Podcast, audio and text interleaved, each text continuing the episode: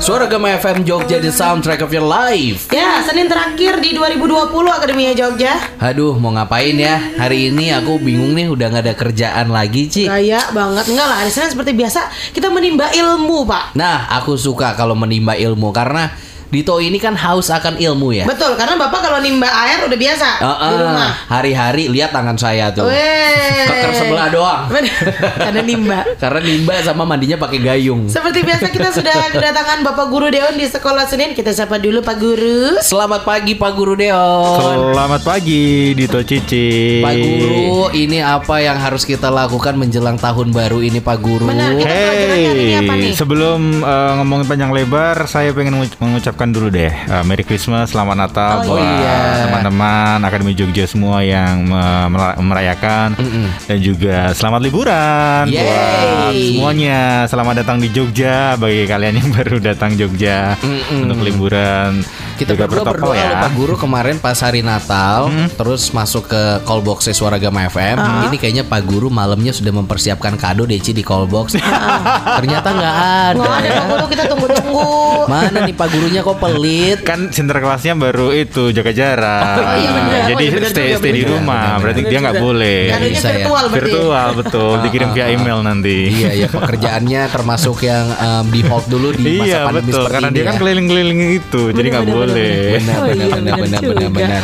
Baiklah Pak Guru, kita pengen belajar apa di hari Senin ini? Oke, eh, di hari Senin ini karena ini sudah mendekati akhir tahun, tinggal menghitung beberapa hari lagi kita akan masuk ke tahun baru. Nah, biasanya di akhir tahun ini akan banyak ngomongin tentang re- eh, revo- revolusi, resolusi lah, eh, goal setting segala macam. Nah, kita akan ngomongin eh, sedikit tentang itu. Cuman memang kita akan sesuaikan dengan kondisi di tahun ini. Oke. Jadi kan kita sudah belajar banyak tuh tahun 2020 kondisinya seperti apa. Terus kemudian resolusinya kemarin sudah dilakukan berapa banyak Iya.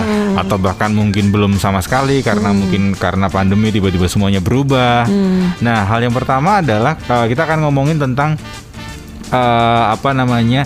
prepare for 2021. Nah, Nah, ini saya akan ngomong dari beberapa data yang menarik yang saya baca ada dari Forbes, Forbes. Eh, itu mengumpulkan ada banyak hal skill yang harus kita punya ketika kita nanti masuk di tahun 2021, khususnya bagi Akademi Jogja yang memulai kerja.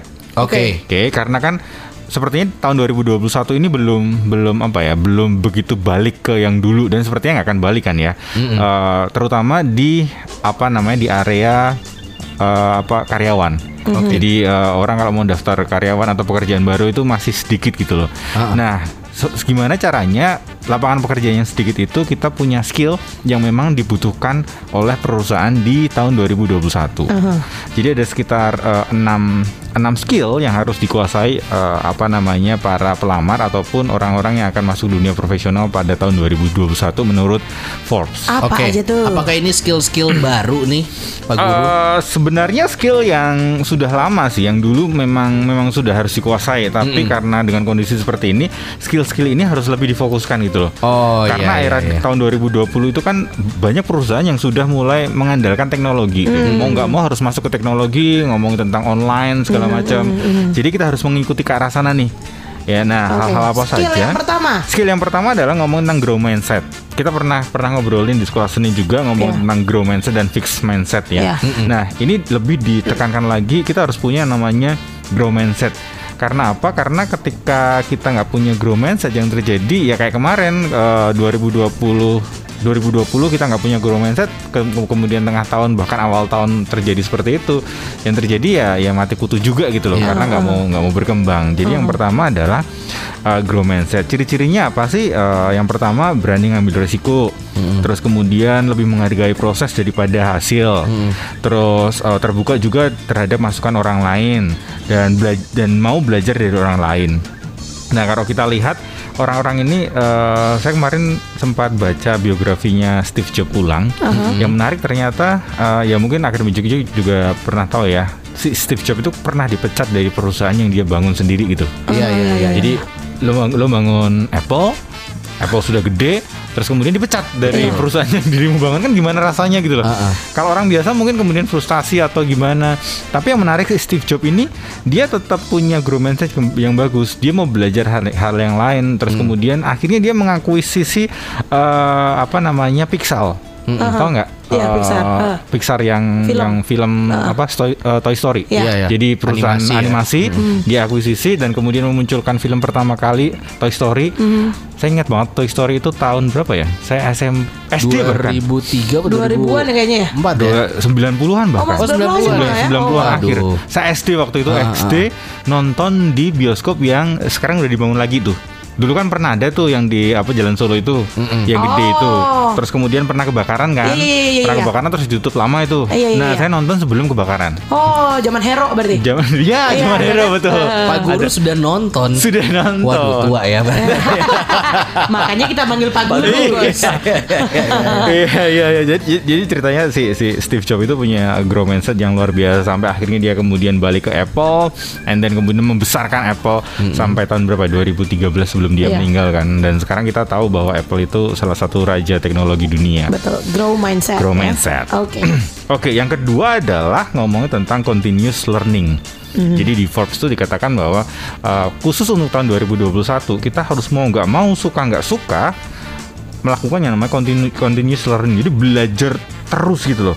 Dan kalau kita lihat ya, kalau kita lihat di uh, di era pandemi ini kan banyak sekali yang namanya webinar. Ya, Bener banyak nggak banget. webinar gratisan tuh bahkan juga banyak. Pun yang nggak gratisan itu harganya totally diskon setengah mati gitu loh. Iya, iya, iya. Yang semisal saya kan di dunia training ya ketika di Jakarta let's say ikut satu satu apa namanya training, training A semisal. Kalau biasanya harganya 3 4 juta, tapi karena online bisa jadi jadi 500 ribu gitu loh Iya. dengan Iya. materi yang kurang lebih sama. Sejauh itu ya Sejauh itu dan itu tuh kayak sebenarnya bagi orang pembelajar itu kayak kita masuk ke dunia yang oh, enak banget gitu loh. Iya. Semua ilmu ada terus kemudian yang yang berbagi di webinar pun itu orang-orang praktisi. Iya. Hmm. Bukan hanya orang-orang yang eh, pinter doang tapi memang dia melakukan gitu loh. Oke. Nah, kalau semisal kita bukan orang yang punya mental continuous learning ini yang terjadi adalah begitu kemarin kita kena pandemi terus kemudian sekolah di rumah atau kerja di rumah ya wes santai-santai dulu liburan enak gitu loh. Ketika ada ada ilmu-ilmu yang dibagian gratis seperti itu nggak diambil gitu loh. Sayang banget. Nah apalagi besok tahun 2021 contoh eh saya nggak tahu eh, Dito Cici kenal nggak satu nama ini? Hotman Zainal Arifin Kita taunya Hotman Paris. Hotman Paris, Paris, ya. pengacara beken. Iya. Kalau uh, Akademi Jogja, coba deh searching Hotman Zainal Arifin. Dia adalah seorang uh, vice president di Citibank. Oh. Oke. Jadi uh, apa ya? Jadi jabatan tertinggi di Indonesia lah. Iya, iya, iya. Jabatan tertinggi di Indonesia. Tahu nggak? Dulu ketika awal pertama dia masuk di Citibank sebagai apa? Sebagai Mungkin office boy. Office boy, yes, Oh, thank you. Oh. Dia masuk sebagai office boy. Dia lulusan SMA, terus kemudian dia mendaftar di uh, Citibank, masuk dari bener-bener office boy. Oh. Tapi yang menarik orang ini, uh, apa namanya uh, Pak Hotman Zainal ini adalah orang yang senang banget belajar.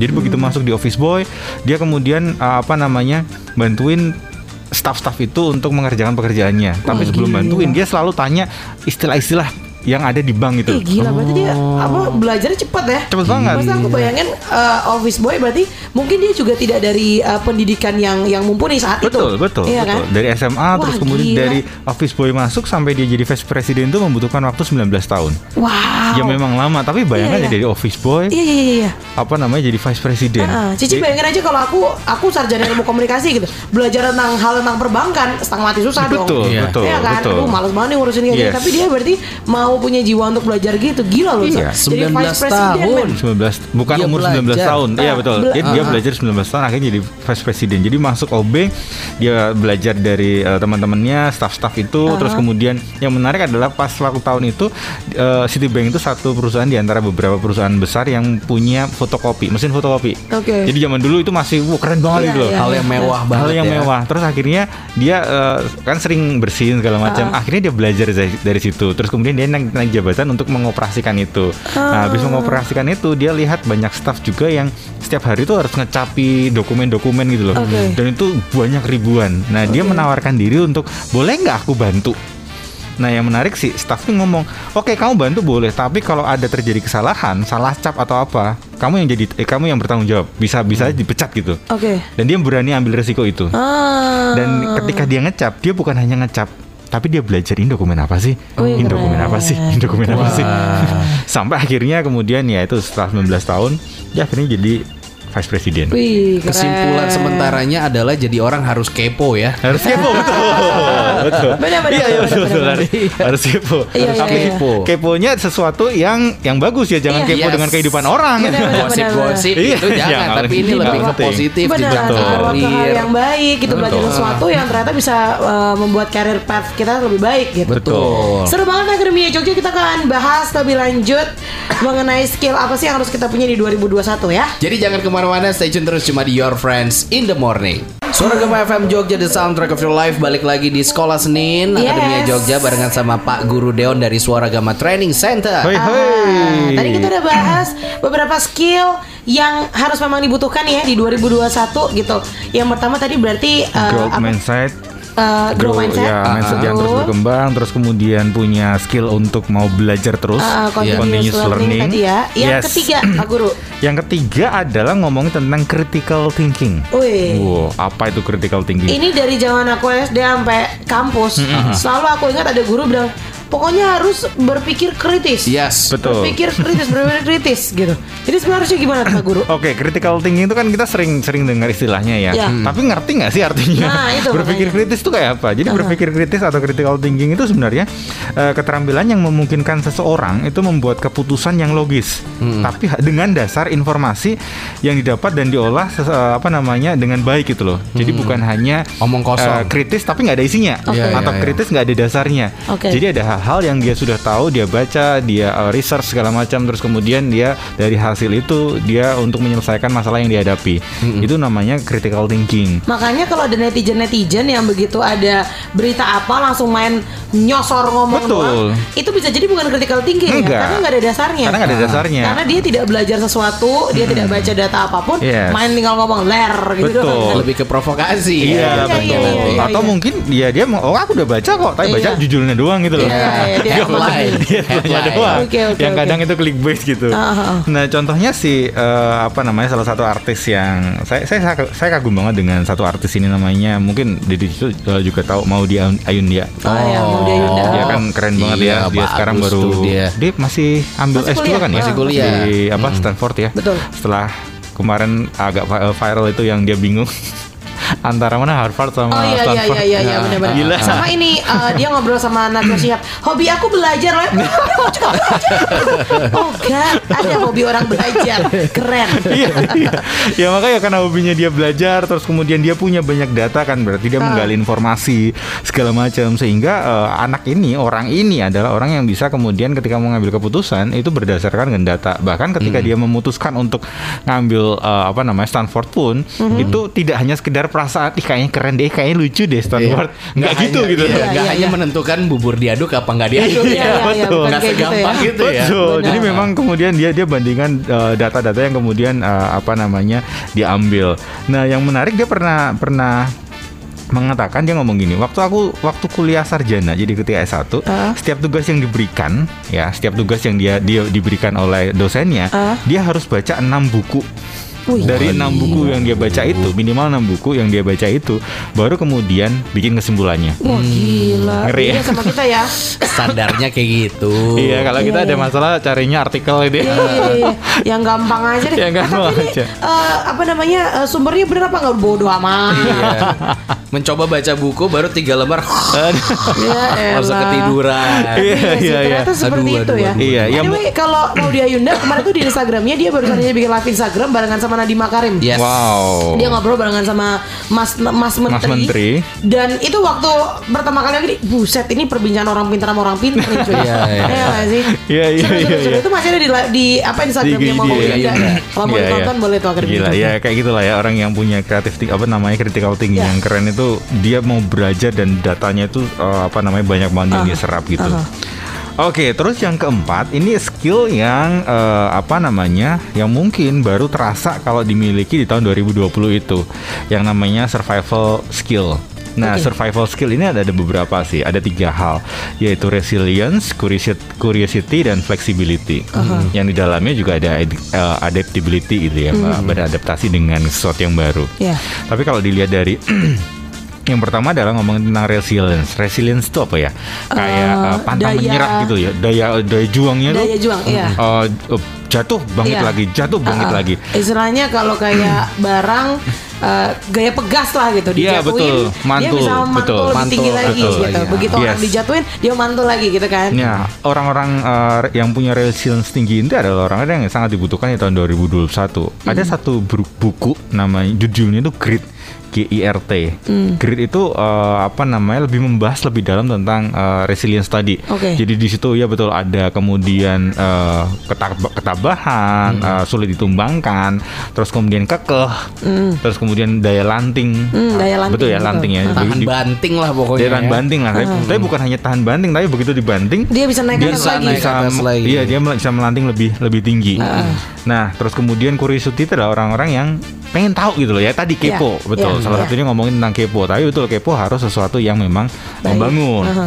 Dan juga flexibility. Kalau flexibility ngomongin tentang zaman sekarang itu sudah harus punya fleksibilitas yang tinggi. Semisal contoh eh, banyak usaha lah usaha eh, F&B F&B yang dulunya dia punya gedung gede Iya. mewah AC segala macam betul ya kalau mau masuk aja harus eh, pakai eh, nomor antrian sekarang mereka mau lo jualan di pinggir jalan lo Iya. dengan eceran seperti itu Ya. kalau semisal kita masih nggak fleksibel yang terjadi ya ya, ya sudah tinggal Iya. menunggu eh, Waktu waktu, aja. saja Benar. Kayak mungkin 2020 kemarin eh, kalau ada pekerjaan kita yang offline offline offline maksudnya Hmm. berarti yang harus tatap muka tatap muka terus kita akhirnya ah ya udah deh pandemi udah kita berdiam dia aja ya udah nggak dapat apa-apa kan Hmm. Betul, kalau betul. kita bisa fleksibel mengubah eh, oh ini jadi online atau apa atau apa atau yang lain atau Iya. pengembangan yang lain kan pasti jadi sesuatu yang Iya, lebih baik betul Tetap Dan- harus menjaga eksistensi lah ya. Iya, iya, tetap harus bergerak gitu. Bergerak. Nah, eh, yang menarik adalah di tahun 2021 itu ada yang bilang bahwa tahun 2021 besok itu akan jadi kombinasi tahun 2019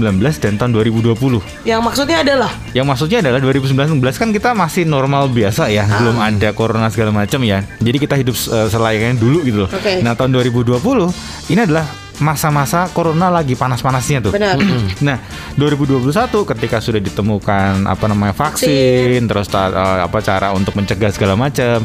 Nah, itu akan fase di mana kita sudah mulai bisa merasakan aura 2021 eh, 2019 yang Tapi- seperti normal itu, Ah. tapi dengan eh, apa namanya perlakuan yang sedikit tahun 2020. Iya, iya, iya. Jadi itu kayak kombinasi gitu. iya Benar, benar benar, benar Jadi apa namanya fleksibilitas itu harus harus sangat eh, dimiliki tahun 2021 Iya. besok. oke Karena ada beberapa kebiasaan yang sudah diterapkan di 2020 ya. Betul, betul. Tapi eh, kita juga harus tetap bergerak biar jadi kayak tetap di 2019 Iya. seperti pas pandemi tidak ada gitu kan. Benar. Yes, Iya, menarik betul. menarik nih. Jadi Oke. semis- hmm. Kita masih ada dua skill lagi Betul, ya, ada dua ya? skill. Masih ada dua skill lagi yang mau kita bahas di sekolah Senin kali ini. Iya, Akademi Jogja juga kalau pengen gabung ya Aha. bersama kita di sini bisa langsung kirimkan saja pertanyaannya via WhatsApp Suara Gama FM di 0811 250 1017. 101.7 Suara Gama FM Jogja The Soundtrack of Your Life. Akademia Jogja, kira-kira kamu sudah menulis belum nih resolusi di tahun 2021 nanti? Ah, ah, 2021 mau ngapain? 2021 apa yang mau dikerjakan? 2021 mau nambah skill apa? Nah, gitu. sama seperti yang kita bahas di sekolah Senin kali ini, lagi membahas apa-apa saja sih skill yang harus kita persiapkan menjelang di eh, tahun 2021 nanti. Benar, masih ada dua skill yang belum dibocorin Pak Guru Deon nih. Yes, jadi kita sudah ngomongin empat skill. Empat Aha. skill ini sebenarnya total ada enam eh, yang saya ambil dari apa namanya research dari Forbes. Oke. Jadi eh, salah satu apa ya majalah terkenal Iya, dunia lah ya. Dia mewawancarai banyak HR, eh, khususnya HR, HR perusahaan besar. Kira dia, dia tanya kira-kira besok tahun 2021 kamu cari karyawan itu yang model Yang apa, gimana? yang punya Oke. skill apa, dan Oke. ini muncullah eh, banyak skill ini. Oke. Oke, kita akan masuk ke nomor 5. Nomor Yes. 5 itu sesuatu yang eh, penting yaitu ngomongin tentang dedication and integrity. Wah, Dedikasi harus tinggi nih ya. itu aku betul. bisa bilang susah sekali mencari orang yang Iya. punya integritas dan dedikasi yang bagus untuk sebuah perusahaan gitu. Betul, betul. Kakakku aja nih, kakakku dia punya fotokopi. Hmm. Fotokopi itu Usaha kan istilahnya fotokopi kalau ya? usaha fotokopi itu kan yalah usaha ruko kecil doang gitu. Betul, betul. Tapi nyari karyawan yang bener-bener em, kalau masalah skill fotokopi, aku rasa kita semua bisa belajar. Betul, betul. Karena ada cara-caranya kan. Yes. Yeah. Mau fotokopi bolak-balik bagaimana, fotokopinya bagaimana gitu. Tapi bener-bener orang yang jujur, ya integritas lah, punya Yeah, yeah, integritas yang bagus, sama berdedikasi tinggi buat kantor itu susah banget, Bo. Betul. Ya ampun tuh, Mai. Ah, ah. Tapi Iya. di masa pandemi ini uh, memperlihatkan sih mana Iya. yang akhirnya Betul, betul. punya integritas dan juga dedikasi iya. yang tinggi. Betul, apalagi ketika semisal awal-awal dulu kita uh, kerja terus kemudian work from home Ya. yang tiba-tiba uh, di dirumahkan dan kayaknya aduh liburan gitu. Iya, iya, iya, iya, iya. yang di mana waktu awal-awal mungkin kita masih digaji full ya. Iya. Digaji full terus kemudian kerjaannya uh, karena dibawa ke rumah jadi terus kemudian nggak ya karena nggak ada bos udahlah nanti Udah, aja lah, udah deh. kita liburan dulu deh kan gitu. Ah. Nah, besok itu tahun 2021 itu akan lebih eh, lebih apa namanya? lebih diuji. Yes. Karena mungkin kalau ngomongin tentang work from home itu bisa jadi itu jadi new normal banyak perusahaan loh. Iya, betul. Eh, contoh ada satu satu temanku yang kerja di Jakarta, dia sudah dapat woro-woro dari perusahaannya Hmm. bahwa tahun depan itu sudah tidak ada bukan bukan sudah tidak ada lagi, tapi bagian dia bagian dia itu kerjain di rumah. Oh, memang akan dibuat sistemnya jadi Memang akan seperti itu. dibuat sistemnya seterusnya kan seperti itu. Jadi sudah sudah tidak ada kewajiban untuk ke kantor. Ke kantor. Yang dulu 2019 itu dia setiap hari ke kantor 9 to Oke, 5 oke, gitu. oke. Harus Tapi kalau yang fingerprint 2000 gitu-gitu iya ya. betul. Ah. Kalau 2021 karena 2020 ini perusahaannya kemudian sudah bersiap untuk uh, model online segala macam. Nah, perusahaannya memutuskan untuk 2021 beberapa divisi memang kemudian kerja ini di rumah. Oke. Dengan gaji yang tetap. Oh. Jadi bukan bukan karena di rumah terus kemudian gaji dipotong segala Dikurangin macam. macam. Jadi memang Nah, sistem kerjanya kan seperti Iya. itu. Betul, cuman ya itu tadi yang sangat diuji adalah dedikasi dan integritasnya. Karena lo dapat pekerjaan yang kurang lebih sama, Benar. terus kemudian di rumah dan fleksibel waktu. Kontrolnya kurang dari atasan. Nah itu kalau di kalau di kantor kan ya apa namanya bos ada lah ya Betul. bisa lihat bisa mundar mandir kanan Iya. kiri kayak kita kayak kerja gitu. Tapi kalau Benar. kalau di rumah kan ya terserah kita. Iya benar-benar. Nah makanya eh, apa namanya orang-orang yang punya dedikasi dan integritas yang tinggi itu akan sangat sangat sangat dicari besok tahun 2021. Iya, iya. Oke, terus kemudian yang terakhir, Yes. guys, yang terakhir ini yang selalu kami gembor-gemborkan adalah ngomongin tentang communication skill. Oh, ternyata itu juga masuk dalam skill yang dibutuhkan Betul, gitu ya. sangat dibutuhkan. Untuk kita nanti di 2021. Ah, I see. Yang Apalagi punya kalau model communication skills aja kadang-kadang masih misunderstanding ya. Iya. Apalagi kalau komu skill, communication skillsnya terbatas. Betul, apalagi kalau model kalau kita berkaca di tahun 2020 itu kan banyak pekerjaan yang kemudian berubah ya. Aha. Nah, ketika peruja- pe- apa, pekerjaan berubah itu kan perlu dikomunikasikan. Yes. Nah, kalau kita semisal eh, kita punya brand, brand yang dulunya jualan A terus karena pandemi harus jualan B, Iya. dan kalau kita nggak bisa mengkomunikasikan dengan baik ke customer kita, yang terjadi adalah ya ya mati Iya. konyol gitu loh. Jadi eh, ngomongin tentang komunikasi tidak hanya dibutuhkan oleh perusahaan, tapi juga untuk setiap kita, bahkan untuk orang-orang yang memang nantinya akan mulai bekerja di tahun 2021. Jadi eh, akan lebih baik dari sekarang. Yuk belajar ngomong yuk. Jangan sampai eh, kemarin eh, apa namanya beberapa minggu yang lalu Cici dengan dengan dengan saya ngisi di eh, salah satu kampus Oh, di iya. yang Oh, online itu. benar. Yang menarik adalah setahunan ini saya banyak ngisi di online, online Oke. kelas gitu lah public speaking. Oh. Setiap kelas itu pasti pesertanya di atas 50 lah, 100 eh, 50 sampai 100-an orang lah. Nah, kok ketika kemudian di online itu ada interaksi, semisal saya tanya, oke teman-teman, saya mau- siapa yang mau bertanya? Paling simpelnya siapa yang mau bertanya? Dari seratusan orang itu pasti yang yang yang bertanya pasti sa- cuma satu dua gitu loh. Iya. Yang lainnya nggak tahu ke mana gitu. yang itu cukup Kameranya dimatiin lagi. Betul, betul. Kamera dimatiin, kita nggak tahu dia ada di situ atau nggak juga nggak tahu. Iya, iya. Nah, di situ kan akan akan eh, menunjukkan bahwa semakin lama orang untuk ngomong itu semakin males gitu loh. Ya.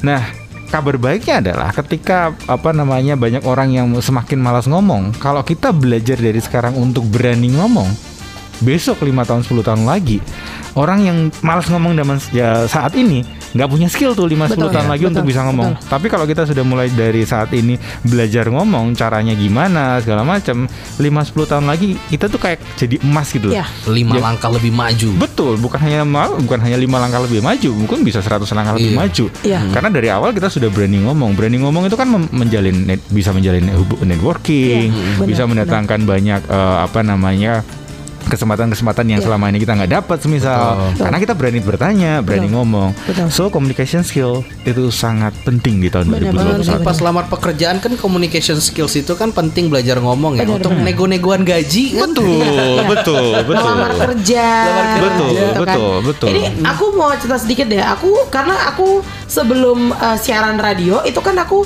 belajar radionya tuh di STC. Hmm. Dulu 2011 tuh Wow. dulu. Ada STC ke sekolah ke SMA aku. Terus habis itu aku ikutan gitu. Dan itu emang kelihatan banget. Jadi setelah uh, aku belajar ngerti nih trik-trik uh, misalnya kayak presentasi kayak Yes. gitu-gitu. Terus di kelas jadi kelihatan uh, jadi berbeda gitu. Maksudnya saat kelompok aku presentasi, aku presentasi, aku jadi kayak minimal aku sudah pede dulu Betul. karena aku sudah tahu oh caranya begini begini Yes. begini. Minimal slide aku itu slide-nya tuh lebih dalam tanda kutip lebih keren, lebih jelas dibandingin sama teman-teman yang belum belajar. Iya. Gitu. Dan begitu aku nyemplung misalnya di bidang kerja komunikasi di radio, di MC segala macam, emang kelihatan berbeda coy. Iya. Orang yang punya skill komunikasi mungkin secara kepintaran secara IPK sama ya. Sama. Tapi yang satu punya skill komunikasi, yang satu kalau suruh ngomong eh, eh, eh, eh, eh, beda banget. Beda, Jadinya beda, beda. banget gitu. Nah sekarang gak usah jauh-jauh lah. Semisal Akademi Jogja bisa nge-MC Terus kemudian ada satu pensi yang ngundang Akademi Jogja. Dengan satu pensi itu ngundang Cici Harganya mahal siapa? Nah. Kalau kamu indie barat mungkin kamu. Iya iya Iya iya iya iya iya. iya. Karena Cici sudah mulai dari SMA gitu ya Sudah mulai belajar dari SMA Ah. Iya, iya, Apalagi iya, iya. kalau semisal eh, Ini sudah sudah mau lulus Ataupun sudah lulus dan kita belum pernah belajar Wah itu harus segera ngejar itu Iya iya iya benar-benar benar, Apalagi Cici sih. aja yang ataupun Dito yang mulainya sejak SMA, sekarang aja sepertinya masih, Masih apa masih mau belajar tentang masih, iya, betul iya. kan, masih kurang kan. Ah. Apalagi yang belum mulai. Benar. Ah. Jadikanlah itu berlian yang terpendam di bawah tanah terus nanti Betul. bakal ditemukan ya. Yes. Di masa depan. Betul. Cakep pak bijak pak Mau jadi apa Iya soalnya tahun depan saya mau jadi motivator. Ngeri biasa. banget Di WhatsApp kita sudah ada yang nanya nih Berarti kalau di STC bisa juga untuk belajar public speaking kan ya? Bisa, bisa. Jadi di STC memang eh, yang ada- Akademi Jogja tahu bahwa kita memang fokus di komunikasi, eh, skill komunikasi. Ya. Eh, tagline kita aja Your Communication Solution. Jadi Oke. bukan solution tapi soul. Oke. Solution. Jadi Oke. ada ada jiwa di situ. Jadi eh, kita memang ber, apa namanya berusaha sebaik mungkin ketika mengajar itu bukan hanya sekedar ngajarin teori tapi ngajarin dengan hati, ngajarin dengan jiwa supaya apa? Apa yang dari hati itu pasti akan nyampainya ke hati. Dan itu terbukti banyak apa namanya alumni yang sampai sekarang dengan saya khususnya kelas kelasku public speaking ya itu masih keep in touch gitu loh Uh-huh. dan bukan hanya keep in touch kita bisa kemudian eh, apa namanya proyek bareng Iya. terus kemudian bahkan bisnis bareng Iya iya iya iya dari iya. kelas public speaking jadi kayak kayak prakteknya lah Iya iya iya di seru, kelas seru, kita seru. belajar ngomong di luarnya kita praktek tuh gimana Iya, iya. caranya dari omongan itu dari skill ngomong itu bisa jadi benefit buat kita Iya. Iya. Itu dia. Kalau di STC ya spesialnya adalah ketika kita udah selesai nggak langsung uh, lost contact, tapi jadi keluarga nih benar-benar. Yes. Benar-benar. Sering ada reunian juga. Ada alumni gathering juga. Iya, Kalau gathering Betul. juga. Kalau Januari batch terdekat berarti akan ada nih Pak Guru. Januari sebenarnya eh, batch batch pertama Januari sepertinya sudah penuh. Oh, Jadi oke. sudah ada yang daftar kan. Eh, kan pendaftarannya selalu dibuka. Oh, Ya, oh, jadi- karena ini juga dibatasin ya orangnya. Betul, kita Ah. kita batasi. Jadi satu kelas itu cuma maksimal lima orang. Jadi Hmm. memang dibatasi banget. Eh, terus kemudian eh, setiap ada lima orang, kemudian kita jalan batch berikutnya. Kalau Oke. kemudian tanya, oke batch berikutnya yang paling dekat untuk jalan eh, yang bisa daftar kapan? Sepertinya sih pertengahan Januari bisa masuk ke batch kedua gitu sih. Oh, oke baik. Jadi Berarti- semakin cepat daftar akan semakin cepat dapat kelas sih. Ah, dari sekarang boleh ya, berarti Boleh, kalau mau daftar silakan. dulu ya. Yes. Nanti biar ikut batch yang di pertengahan Januari kita Ah. Akademi Jogja, biar di tahun baru kita belajar skill baru. Betul. Yes, senang sekali kalau banyak teman-teman yang akhirnya uh, rebutan nih untuk bisa belajar di Swargama Yes. Training Asik. Center. Bisa cek berarti ke mana Pak Guru? Ke Instagramnya aja @suaragamatc atau di websitenya www.suaragamatc.com. Alright. Baiklah, Pak Guru terima kasih. Terima kasih Pak Guru. Thank you. Kita mau mendalami ilmu-ilmu ini dulu. Yes. Kita biar 2021 semakin gilang gemilang. Betul sekali. Yang paling penting adalah sehat-sehat ya Pak Guru ya. Betul Terima sekali. kasih. Kita ketemu udah tahun depan Tahun loh. depan, Yoi. tahun baru ya. Setahun kita nggak ketemu berarti ya. Kita nggak ketemu. Kita ucapin duluan deh ya Happy Yes. New Year. Happy New Year teman-teman. Selamat berkumpul bersama dengan keluarga juga ya Pak Guru ya. Yes, thank you. Selamat pagi. Pagi, dadah.